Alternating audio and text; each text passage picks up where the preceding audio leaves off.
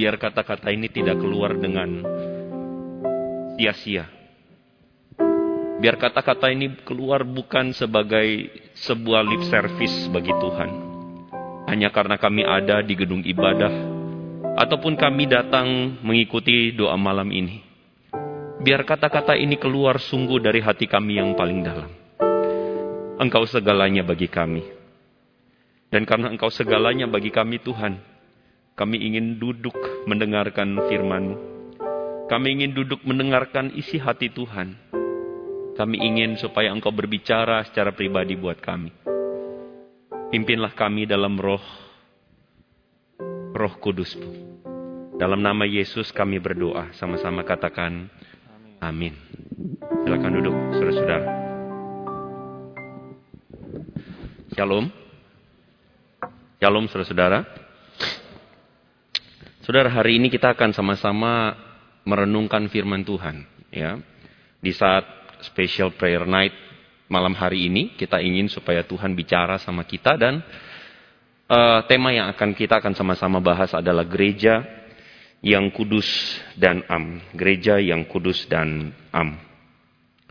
Saudara-saudara, um, ketika saya mempersiapkan firman Tuhan untuk malam hari ini, saya ingat betul minggu yang lalu di suatu pagi saat saya sedang bersaat teduh, saudara saya mendengarkan sebuah podcast. Podcast tersebut adalah dari Van der Blumen Leadership Podcast.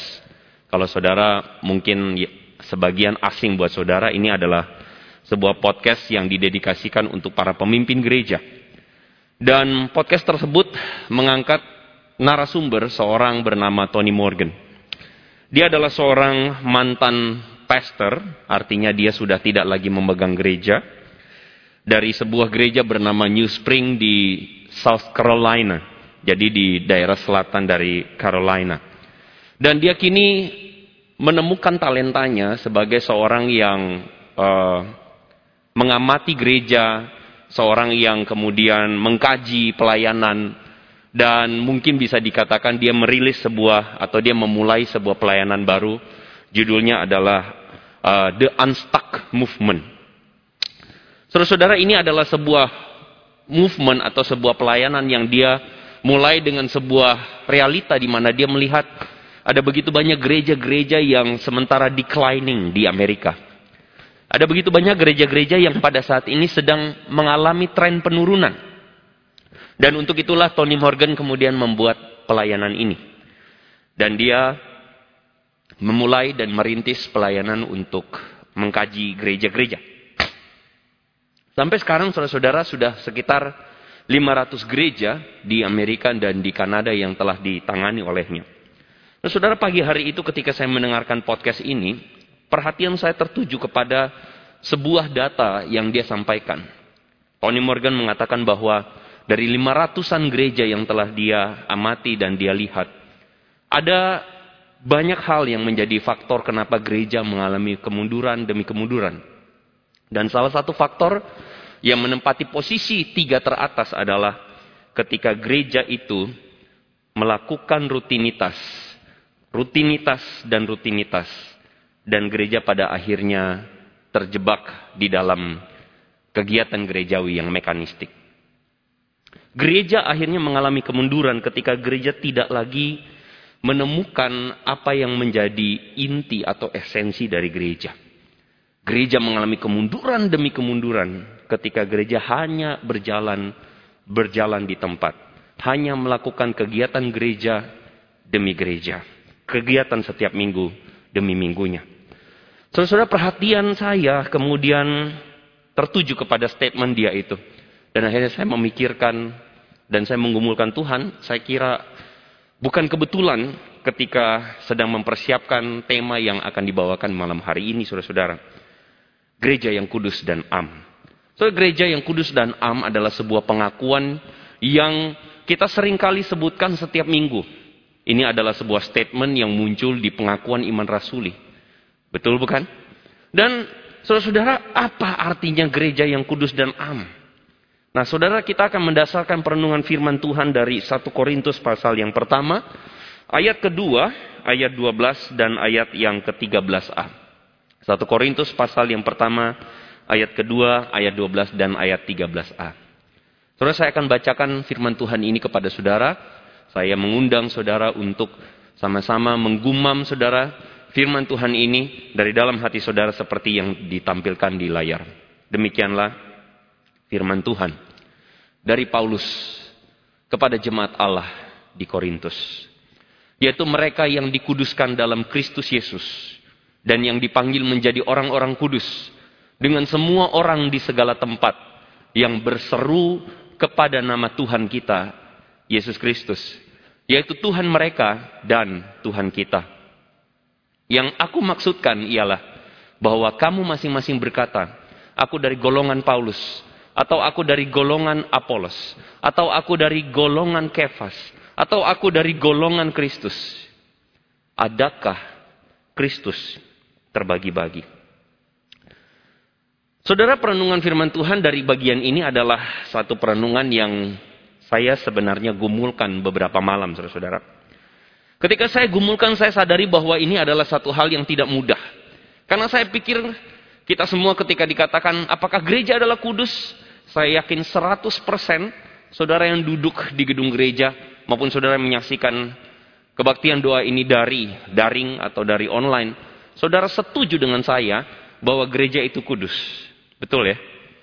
Kalau saya bilang gereja ini am, maksudnya am itu adalah gereja yang satu atau gereja yang universal. Saya yakin saudara pun setuju dengan saya. Itulah sebabnya kenapa memikirkan tema tentang gereja yang kudus adalah satu hal yang tidak mudah. Saudara ketika Paulus mengatakan atau menuliskan satu Korintus pasal yang pertama ayat 2, saya pikir Paulus pun sedang ada dalam pergumulan yang sama. Ketika dia menuliskan hal ini kepada jemaat di Korintus, saya pikir Paulus pun tahu betul bahwa jemaat Korintus sudah sering mendengar tentang kata kudus, suci, am, dan apa pun lah itu, saudara-saudara. Ketika Paulus menuliskan ini, saudara-saudara, gereja yang kudus. Kalau saudara perhatikan, Paulus mengulang-ulang Perkataan ini di ayat yang kedua, Paulus mengatakan kepada jemaat Allah yang di Korintus. Yaitu mereka yang dikuduskan dalam Kristus Yesus. Dan yang dipanggil menjadi orang-orang kudus. Saya menjadi bertanya, kenapa Paulus melakukan repetisi-repetisi ini? Saudara, kalau ibaratnya saudara, suami dan istri, Lalu kemudian istri mengatakan, mengatakan kepada suaminya, kepada suamiku yang kukasihi, kepada suamiku yang Tuhan kasih. Saudara sebagai suami rasanya aneh kan? Kenapa begitu ya? Kenapa kamu ngomong saya suami-suami berulang-ulang ya? Artinya ada satu pesan yang ingin disampaikan berulang-ulang. Dan dalam hal ini adalah Paulus mengatakan kepada jemaat Korintus, kamu itu orang yang dikuduskan. Apa dalam bayangan saudara mendengar kata kudus? Apa itu kudus? Apakah saudara langsung membayangkan sorga? Apakah saudara langsung membayangkan Tuhan yang mulia, yang duduk di tahtanya, dan saudara kemudian gemetar? Katanya bulu kuduk merinding, saudara. Kalau bulu kuduk merinding, saya kira bukan itu sesederhana kekudusan. Karena saudara kalau ke kuburan juga bulu kuduk merinding, bukan? Iya kan? Saudara, apa itu kekudusan? Arti kekudusan, saudara, memang betul kata kudus itu disematkan kepada Tuhan. Karena Tuhan kita adalah Tuhan yang suci, yang kudus, mulia, dan sebagainya. Tetapi arti kata kudus itu secara literal, saudara kata hagios, itu bahasa Yunaninya. Dan itu saudara berarti to be set apart. Berasal dari kata Ibrani itu kabot, saudara-saudara ya. To be set apart atau dipisahkan. Jadi arti kata kudus sebenarnya secara literal adalah dikhususkan untuk Tuhan. Ketika Paulus menyampaikan kepada jemaat Korintus, kepada jemaat yang dikuduskan, kepada orang-orang kudus, Paulus seakan-akan mengingatkan kembali bahwa kamu adalah orang yang dikuduskan atau diambil oleh Tuhan. Saudara berbicara tentang dikhususkan oleh Tuhan atau dikhususkan untuk Tuhan, Saudara ini sedang berbicara tentang tiga makna teologis. Yang pertama adalah kita dipisahkan karena anugerah Tuhan. Saudara kata kudus itu ilustrasi yang paling mungkin di dalam perjanjian lama yang paling menggambarkan kata dikuduskan itu adalah seperti ilustrasi gambar di depan. Saudara sedang melihat itu adalah kemah pertemuan. Di mana kemah pertemuan itu adalah tempat ada yang namanya pelataran, lalu kemudian tempat kudus, lalu kemudian maha kudus. Maha kudus adalah tempat di mana tabut Tuhan itu ditaruh. Dan di atas tabut itu katanya Tuhan bertahta. Tempat sangat kudus sehingga orang tidak bisa sembarangan masuk. Nah di bagian tengahnya itu saudara-saudara, kalau saudara perhatikan di gambar, bisa tolong dimunculkan lagi. Saudara gambar di tengah itu ada kaki dian, ada meja untuk roti dan meja untuk persembahan ukupan. Alat-alat itu disebut alat-alat yang kudus. Kenapa? Karena mereka sengaja dibuat dan dipisahkan dari alat-alat yang lain. Mereka berada di tengah-tengah ruang kudus, sehingga alat-alat itu disebut kudus. Alat-alat itu dipisahkan untuk tujuan yang tertentu dan khusus. Saudara, penggambaran ini adalah penggambaran pengudusan itu atau penggambaran di mana betul-betul alat-alat ini dipisahkan dari yang lain. Saudara sangat saya sangat yakin di rumah ibu-ibu pasti punya pisau khusus. Saya ingat waktu dulu ibu saya saudara-saudara ada pisau yang betul-betul dia sayang. Pisau itu tempatnya di mana? Dapur, betul? Tapi ada pisau yang dia taruh di lemari saudara-saudara. Saya sampai bingung kenapa pisau ditaruh di lemari. Kenapa? Karena pisau ini dia sayang sekali. Dan pisau ini dia pakai kalau momen-momen tertentu. Kalau dia lagi mau masak sesuatu yang penting saudara. Sisanya dia akan pakai pisau sembarang. Nah pisau yang dikuduskan atau dipisahkan ini. Ini adalah gambaran bahwa pisau ini bukan karena memang pisau ini sesuatu atau gimana. Dialah yang memilih pisau ini. Saudara sama halnya dengan kita. Orang percaya kita itu dipisahkan karena anugerah Allah. Bukan karena kita itu punya prestasi tertentu. Bukan karena kita itu hebat. Bukan karena kita apa. Saya lagi teringat saudara sebuah lagu. Kalau saudara mungkin tahu lagunya. Bukan karena kebaikanku. Bukan karena baik rupaku. Bukan karena Kecakapanku, ku dipilih, ku dipakainya. Lanjut, saudara. Bukan karena baik dan cakapnya kita. Tetapi karena Tuhan memang memisahkan kita. Saya jadi berpikir, bisakah momen pada momen ini saudara? Saudara, mari kita coba untuk mengenang kembali Bagaimana ceritanya saudara menjadi orang Kristen? Boleh? Mari saudara ambil waktu sedikit. Bagaimana saudara ceritanya sampai menjadi orang Kristen? Dan bisakah saudara melihat ada jejak anugerah Tuhan yang memanggil saudara sehingga saudara menjadi seorang yang diselamatkan percaya kepada Yesus. Mari ambil waktu sedikit saudara mengingat kembali momen-momen itu.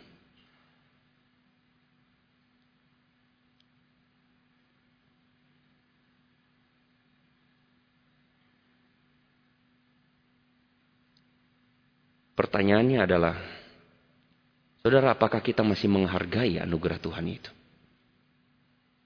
Yang kedua, saudara, arti dari kita itu dikhususkan Tuhan adalah kita dipisahkan sebagai komunitas. Maksudnya dipisahkan sebagai komunitas apa saudara-saudara? Paulus mengatakan kepada jemaat atau orang-orang yang dikuduskan. Paulus menggunakan istilah ini saudara-saudara untuk menunjukkan bahwa ini identitas yang inklusif. Maksudnya adalah orang-orang Kristen itu dipanggil sebagai umat, bukan karena satu persatu. Saudara, ironinya hari ini kekristenan kita, saya mau bertanya nih, saya mau bertanya. Saudara, kekristenan saudara menjadi kekristenan yang tipe seperti apa? Ketika kita dipanggil, mulai dari kita percaya kepada Yesus sampai hari ini, apakah saudara semakin menjadi orang Kristen yang individualistik? Ataukah kita menjadi orang Kristen yang semakin membaur dengan komunitas? Apakah kita menjadi orang Kristen yang individualistik, yang hanya berdiri sendiri, tidak kenal siapa-siapa, atau kita hanya menarik diri, yang penting datang ibadah, yang penting bergereja, yang penting mengikuti kebaktian? Ataukah kita menjadi orang Kristen yang berbaur dengan lingkungan, dengan jemaat, dengan sesama orang percaya? Ketika Paulus mengatakan kita dipisahkan sebagai komunitas, artinya kita tidak dipisahkan seorang demi seorang. Tapi kita dipisahkan menjadi satu kumpulan.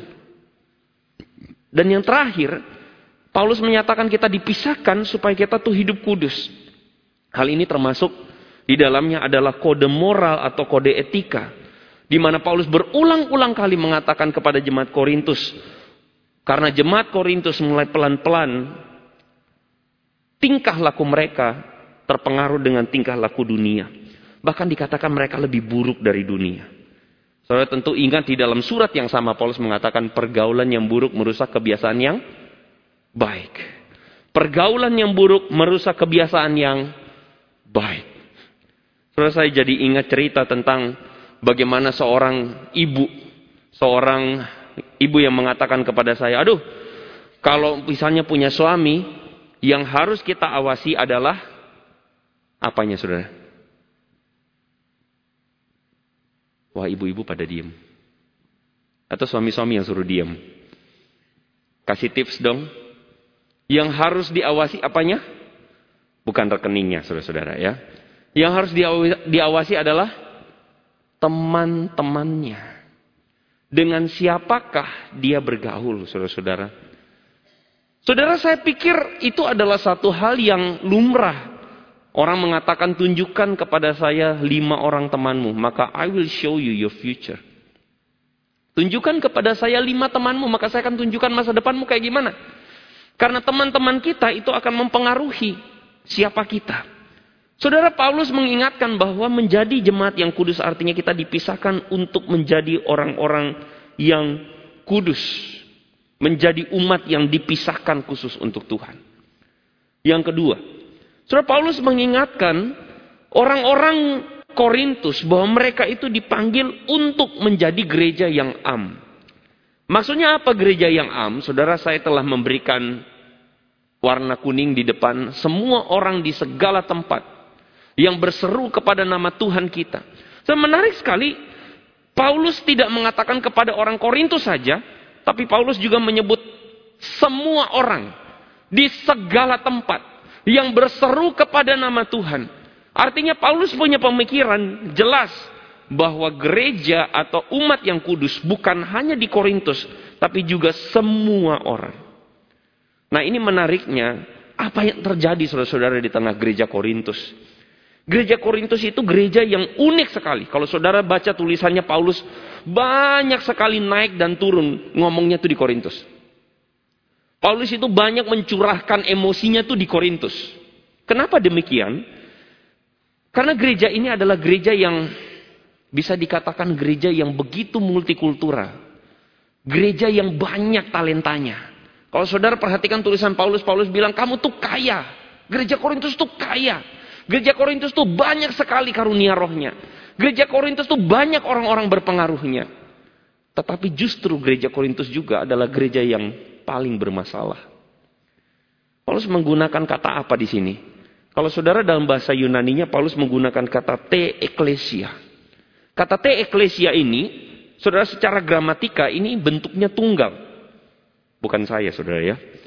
Bentuknya tunggal. Maksudnya apa bentuknya tunggal? Kalau saudara perhatikan dalam surat-surat Paulus yang lain, Paulus menggunakan bentuk jamak untuk menyapa kepada jemaat. Misalnya kepada jemaat di Roma, atau kepada jemaat di Filipi, atau kepada jemaat di Efesus, Kolose, Tesalonika. Paulus sering kali menggunakan kata jamak untuk menyapa jemaat. Tapi kepada di Korintus, Paulus menggunakan kata tunggal. Kenapa demikian? Menurut banyak penafsir saudara-saudara, di Korintus rupanya ada kelompok-kelompok komunitas yang terpisah-pisah. Jadi kelompok orang Kristen itu bukan cuma satu doang di Korintus. Karena Korintus itu kota besar, kemungkinan di Korintus itu ada jemaat-jemaat. Jadi ada jemaat di bagian daerah ini, bagian daerah itu dan sebagainya. Karena segmentasi Korintus begitu banyak. Jadi jemaatnya juga ada beberapa jemaat. Paulus sengaja menggunakan kata tunggal untuk menekankan bahwa meskipun beda pemimpin, mereka itu satu. Itulah sebabnya kenapa di ayat ke-12 saudara kita menemukan bahwa ada indikasi fanatisme pemimpin di sana. Makanya Paulus kemudian mengatakan, kamu itu mengatakan bahwa aku itu ada yang berasal dari golongan Paulus. Paulus bilang ada yang mengatakan saya Kristen tapi golongan Apolos. Saya Kristen tapi golongan Kefas, Petrus. Saya Kristen tapi golongan Kristus malah. Kalau kayak begini saudara-saudara jadi ingat ya. Jadi lihat hari ini ada banyak gereja dalam kelompok-kelompok. Paulus mengatakan apa? Adakah Kristus terbagi-bagi? Adakah Kristus itu terbagi-bagi? Paulus mengingatkan bahwa meskipun kalian berbagai kelompok, tetapi ingat bahwa harus satu pemimpinnya, yaitu Yesus Kristus. Itulah arti gereja yang am atau gereja yang universal. Saudara, kelompok itu mungkin ada. Kelompok berdasarkan selera tertentu atau model ibadah tertentu atau kelompok berdasarkan penekanan teologi tertentu. Betul saudara hari ini kita berada di tengah-tengah gereja yang banyak sekali. Gereja yang banyak segmentasinya. Tetapi Paulus mengingatkan kita, ketika kita berdiri di atas satu dasar yang sama, Yesus Kristus, mari kita melihat mereka sebagai satu tubuh. Mari kita melihat mereka sebagai satu tubuh Kristus. Saudara kita kembali ke dalam podcast yang di awal tadi.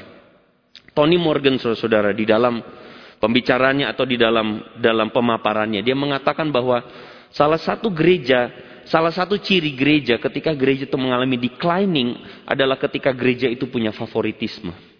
Ketika gereja itu sudah mulai melihat atau berkelompok-berkelompok. Ketika gereja itu sudah mulai mengutamakan kepentingan kelompok dan tidak lagi melihat kepentingan besarnya. Ketika gereja sudah gagal menjadi gereja yang am, gereja gagal menjadi gereja yang universal. Ini adalah efek domino.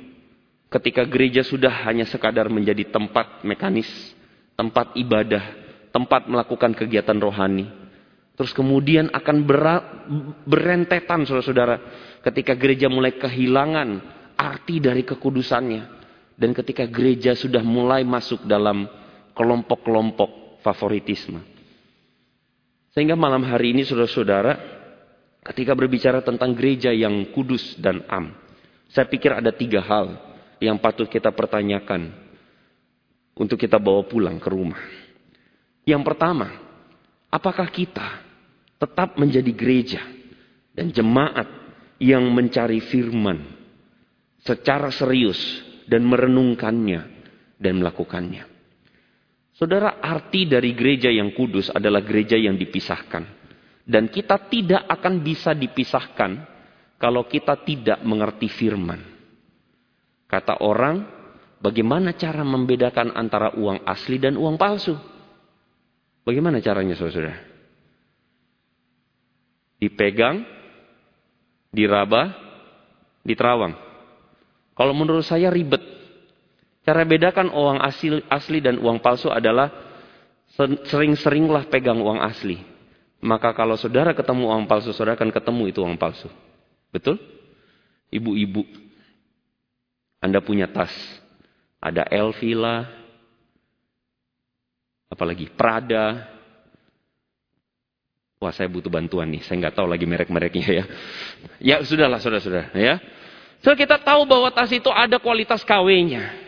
Tapi saya percaya saudara bagaimana cara kita memisahkan antara yang asli dan yang palsu, bagaimana caranya? Sesimpel saudara kita sering bergaul dengan yang asli, maka kita akan bisa bedain mana yang palsu dan mana yang asli, betul? Bagaimana caranya kita bisa hidup dipisahkan dari dunia, tidak berbaur dengan dunia kalau kita tidak mulai dengan serius mencari Tuhan. Kalau kita jarang mencari Tuhan, maka kita akan terbawa dengan pergaulan. Ter, terbawa dengan pergaulan yang buruk. Kalau kita jarang mencari Tuhan, maka kita mudah dihanyutkan. Kalau kita jarang mencari Tuhan, maka kita akan mudah sekali. Yang kedua, Saudara, apakah kita telah menjadi jemaat yang menghidupi iman dan tampil beda dengan dunia ini? Jemaat yang menghidupi iman adalah jemaat yang sungguh-sungguh menghidupi percayanya kepada Yesus. Bukan hanya jemaat yang hanya didasarkan pada pengetahuan sesederhana, oh ada Tuhan dan Tuhan itu namanya Yesus. Saya kira bukan itu. Itu bukan iman. Karena iblis pun tahu ada Tuhan dan iblis pun tahu Yesus adalah Tuhan. Yang membedakan antara iblis dengan kita adalah apakah kita melakukan firman-Nya atau tidak. Iblis tahu betul ada Yesus, tetapi iblis tidak melakukan firman-Nya. Pertanyaannya, kita menghidupi firman atau tidak? Sedihnya adalah Saudara berapa waktu yang lalu saya cerita dengan salah seorang majelis GKY, tapi bukan GKY ini. Ketika saya ngobrol saudara-saudara, dia kemudian mengatakan, aduh pak, pengalaman saya adalah sering kali jujur di tengah-tengah jemaat bahkan aktivis. Kalau kita tanya di tengah minggu, hari minggu ibadah, firman Tuhannya apa? Dari 10 orang yang saya tanya mungkin cuma satu atau dua yang ingat. Sisanya lupa. Kalau lupa terus ngapain? Nyari tahu nggak? Nyari tahu nggak? Saya rasa mungkin jawabannya adalah tidak. Ini menunjukkan apa saudara-saudara? Ini menunjukkan bahwa sering kali kita hanya ingat firman pada saat kita duduk dan mendengar. Tapi sesudah itu, apakah kita betul-betul serius mau melakukannya? Saya pikir kita perlu untuk kembali merefleksikan hal ini saudara-saudara. Yang ketiga, Apakah jemaat kita telah menghidupi semangat gereja yang am itu? Gereja yang jemaat yang saling berbagi, jemaat yang saling menjadi berkat dalam sesama tubuh Kristus. Terus saya berdoa gereja ini menjadi gereja yang boleh terus bertumbuh. Gereja yang terus belajar melakukan firman. Karena saya kira tidak ada gereja yang sudah cukup dewasa untuk tidak lagi belajar firman. Tidak ada gereja yang sudah terlalu dewasa untuk tidak lagi belajar melakukan firman. Sama halnya kita. Tidak ada kita orang Kristen yang sudah terlalu dewasa dan senior di dalam kekristenan. Sehingga kita tidak lagi belajar menghidupi firman. Amin. Saudara sebentar lagi kita akan sama-sama belajar untuk membawa diri kita kepada Tuhan melalui perenungan doa. Tapi ketika saya jujur membuat khotbah ini, saudara saya memikirkan tentang satu penutup. Dan selama beberapa waktu saya mendoakan, saya cuman merasa Tuhan mengingatkan saya sekali lagi untuk membawakan tentang sebuah kisah. Sebuah kisah yang mengingatkan kita bahwa sering kali karena aktivitas, rutinitas Kristen, kebiasaan Kristen yang kita punya, kita sering kali kehilangan apa yang paling penting. Saya bawakan sebuah kisah dari Lukas pasal 10 untuk menolong kita untuk sama-sama datang kepada Tuhan. Lukas pasal 10 ayat 38 sampai 42. Firman Tuhan menceritakan kepada kita. Waktu itu Yesus dan murid-muridnya dalam perjalanan.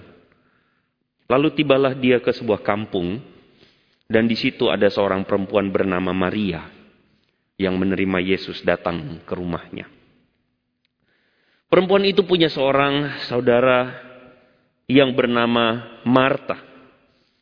Jadi Maria dan Marta adalah dua orang kakak adik tetapi Maria ini menariknya adalah dia duduk dekat di kaki Tuhan dan mendengarkan perkataan Yesus.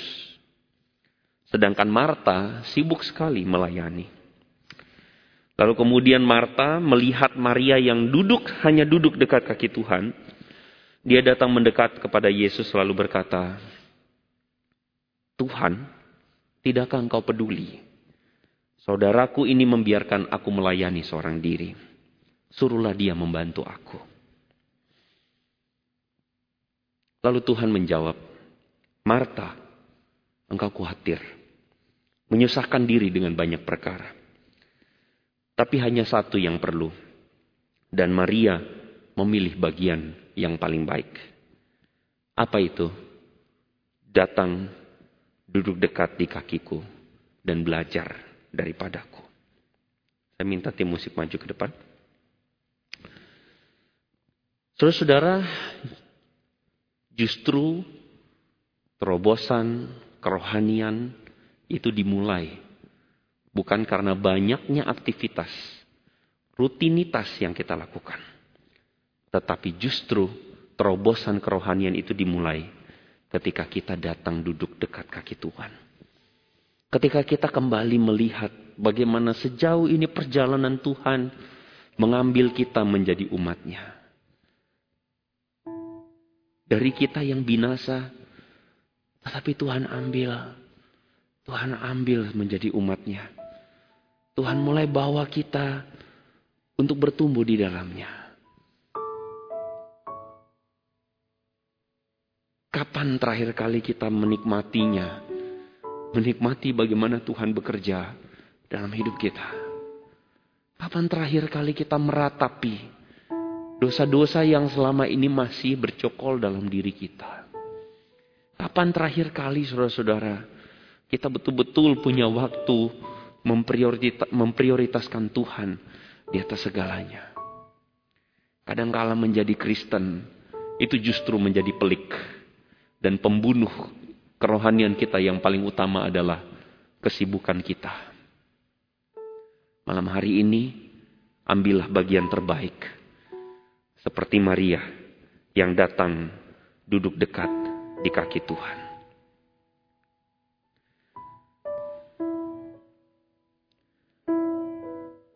Mari kita tundukkan kepala di hadapan Tuhan. Aku berdiam di kesunyian, di keheningan.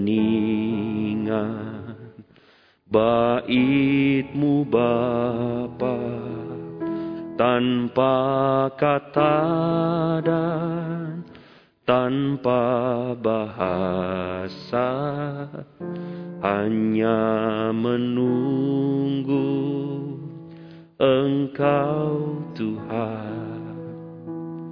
Yesus Tuhanku Kau paling mengerti rapuh hati ini, letih jiwa ini, jamaya Tuhanku, jamaya Tuhanku, sebab Engkaulah Tuhan yang paling mengerti.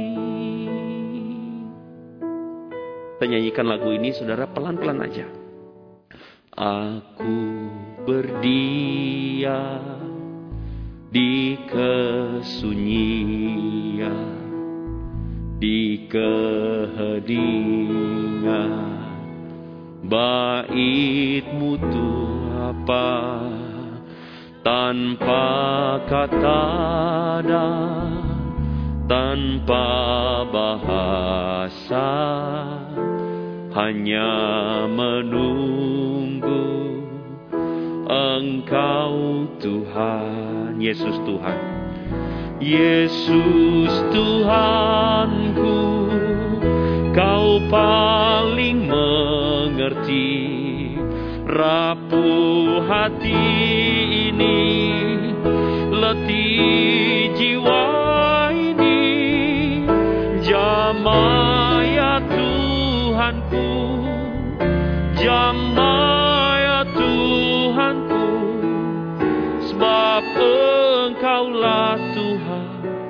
Yang paling mengerti Yesus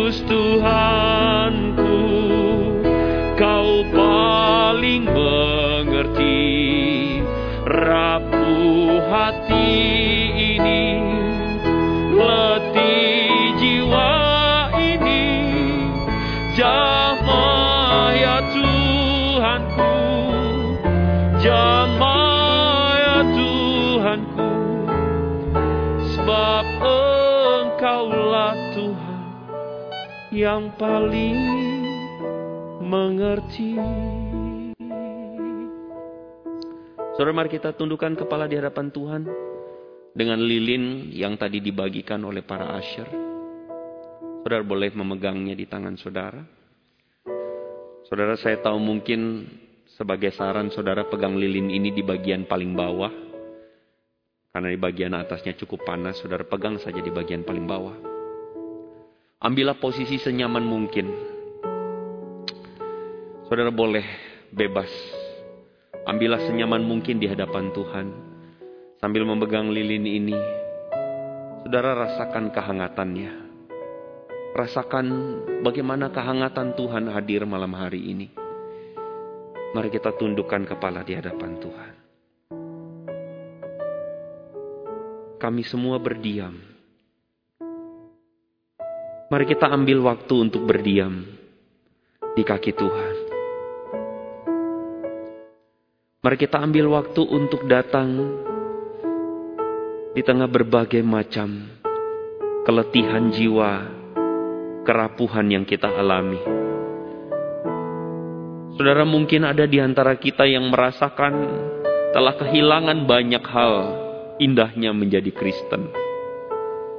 Oleh karena waktu yang berjalan, kesibukan yang ada, kita semakin jauh dari Tuhan. Hubungan dengan Tuhan hanya semata-mata sebuah rutinitas. Mari nikmati waktu ini. Mungkin kita tidak perlu berkata-kata, tapi izinkan kasih Tuhan mengisi kembali saat-saat di mana pertama kali kita dipanggil untuk menjadi anaknya. Saat-saat di mana kita dipanggil pertama kali merasakan kasih Tuhan. Saat-saat di mana kita menjadi seorang anak kecil di hadapan Tuhan. Dan kita begitu menghargai Tuhan. Begitu menghargai kasih karunia-Nya. Di manakah saat-saat itu. Biarkan hari ini Tuhan mengisi kembali. katakan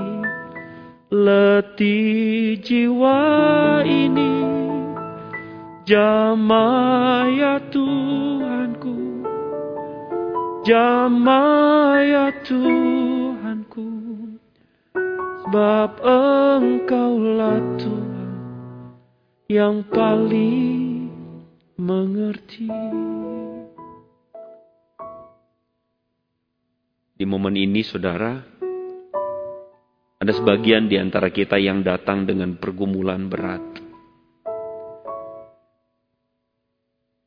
Ada sebagian dari saudara yang datang menggumulkan anak-anakmu Engkau sebagai orang tua, engkau menangis. Engkau menangis karena engkau merasa sudah melakukan yang terbaik. Engkau merasa sudah melakukan yang paling bisa engkau lakukan.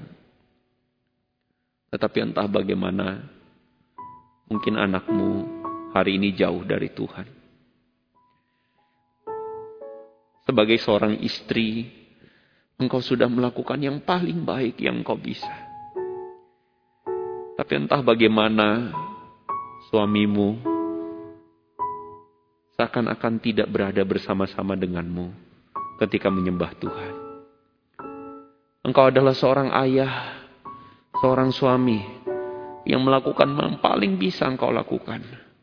Tapi entah kenapa engkau merasa keluargamu hampa. Keputusasaan ini adalah keputusasaan yang kita alami. Mungkin Tuhan berbicara melalui keheningan.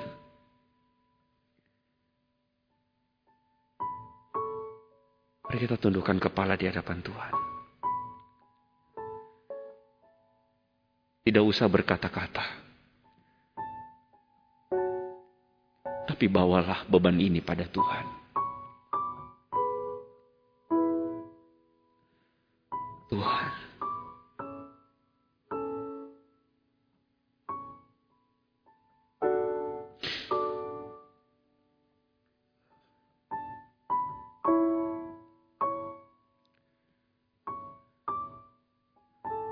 Dengan ref katakan.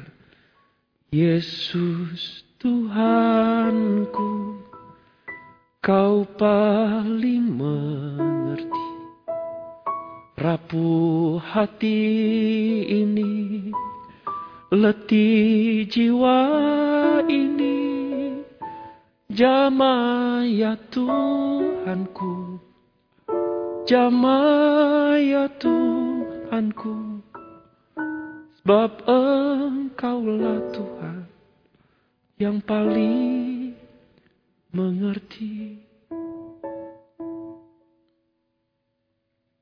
terakhir saudara-saudara.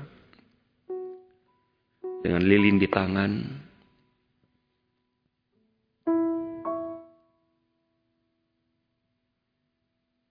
Gestur Maria adalah gestur yang mendengar, belajar, ingin supaya Yesus menjadi lebih dari segalanya.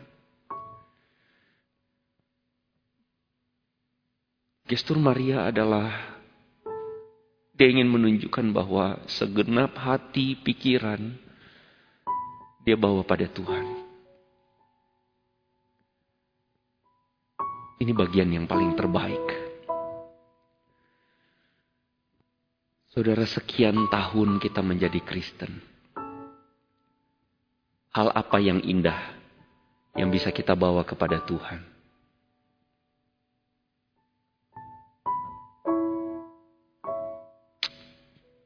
Mari berdoa di hadapan Tuhan secara pribadi.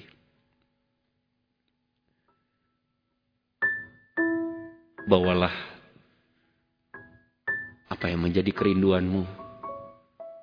Bawalah apa yang menjadi bebanmu Katakan Tuhan, Engkau ada di sana. Engkau ada di sini. Engkau mendengar.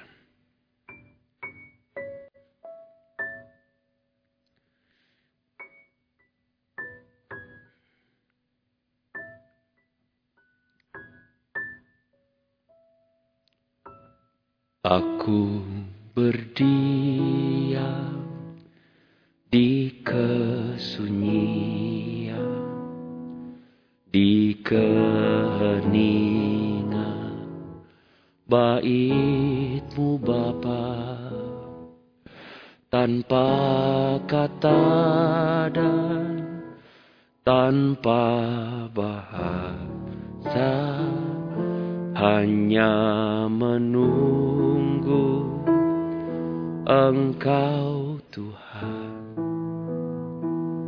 Yesus Tuhanku, Kau paling mengerti rapuh hati ini, letih jiwa ini, jamaya Tuhanku, jamaya Tuhanku, sebab Engkaulah Tuhan yang paling mengerti. Kalau di depan ini, ada lilin-lilin yang disusun dalam bentuk salib. Sebentar saudara kita akan membawa lilin yang ada di tangan kita untuk menaruhkannya di dalam salib tersebut. Ini adalah tanda di mana kita membawa diri kita, hati kita sepenuhnya. Beban kita, keletihan, kelelahan kita. Marilah kita bawa kepada Tuhan. Saudara, saya berikan waktu untuk engkau sekali lagi di depan lilin ini kita berdoa kepada Tuhan. Jika mantap hati kita, saudara merasa bahwa Tuhan meneguhkan, silakan saudara maju dan saudara menaruh lilin tersebut di salib di depan.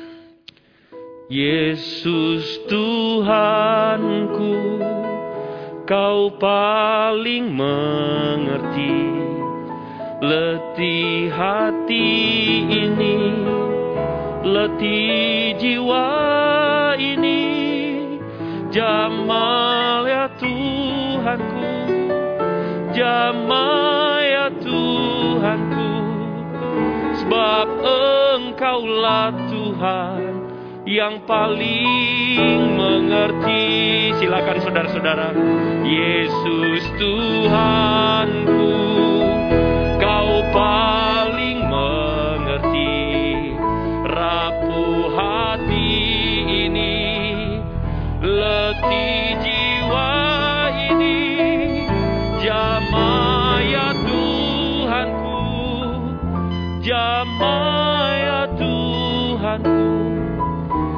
sebab Engkaulah Tuhan yang paling mengerti.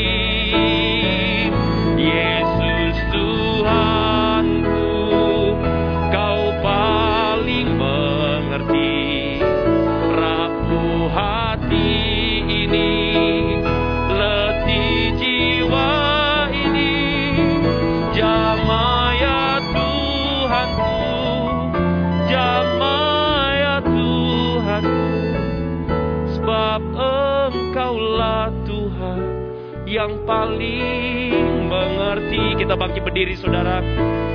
Yesus Tuhanku, Kau paling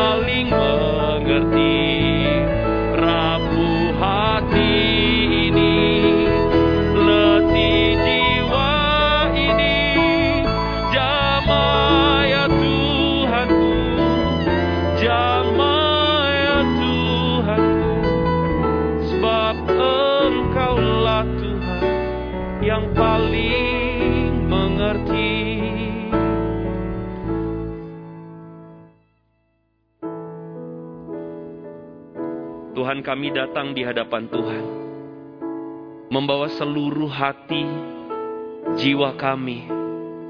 Sebagai satu persembahan yang paling baik yang bisa kami berikan kepada Tuhan. Dengan semua kelemahan, kegagalan kami. Tuhan kami datang padamu.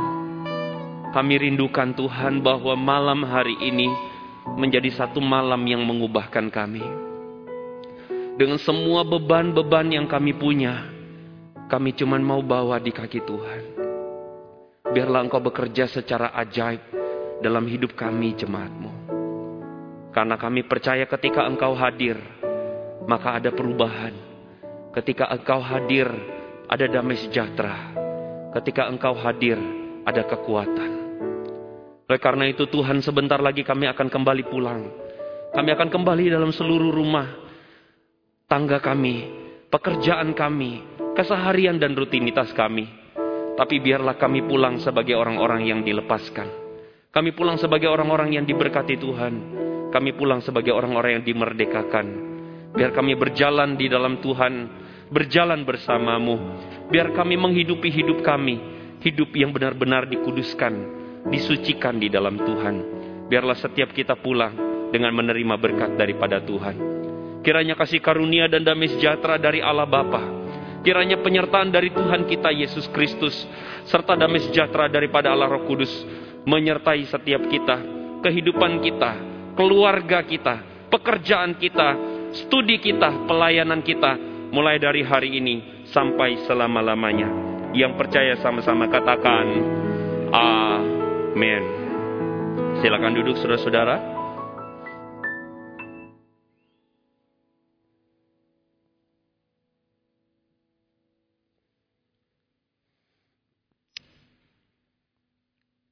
Saudara kerinduan dari para pengurus, majelis dan pengurus adalah supaya kita mengalami terobosan doa. Saudara ketika saudara datang tadi saudara diberikan kartu, ya. Nah kartu ini saudara-saudara silakan saudara lihat ada tulisannya Special Night Prayer. Di bagian belakangnya saudara-saudara ada sebuah quotes. Quotes itu adalah quotes yang saudara akan bawa pulang. Dan semoga quotes ini saudara mengingatkan saudara kembali untuk menghidupi kerohanian kehidupan doa bersama dengan Tuhan. Nah saudara-saudara ini adalah kegerakan yang sifatnya kegerakan bersama. Kalau saudara perhatikan di bawah ada tulisan hashtag GKY Greenfield, GKY GRV in prayer. Hashtag GKY GRV in prayer. Kami mengundang saudara untuk malam hari ini juga, saat ini juga. Saudara silakan ambil foto. Ambil foto saudara-saudara dari gambar ini atau dari kartu ini saudara. Silakan saudara foto lalu kemudian saudara masukkan ke dalam story saudara atau masukkan ke dalam sosial media saudara ya. Dan tuliskan hashtag GKY Greenfield GKY GRV in prayer saudara-saudara. Masukkan ke sosial media ke Instagram dan sebagainya dan silakan ini semoga ini menjadi satu momen bersama kita. Silakan saudara-saudara. Selamat malam Tuhan Yesus memberkati kita semua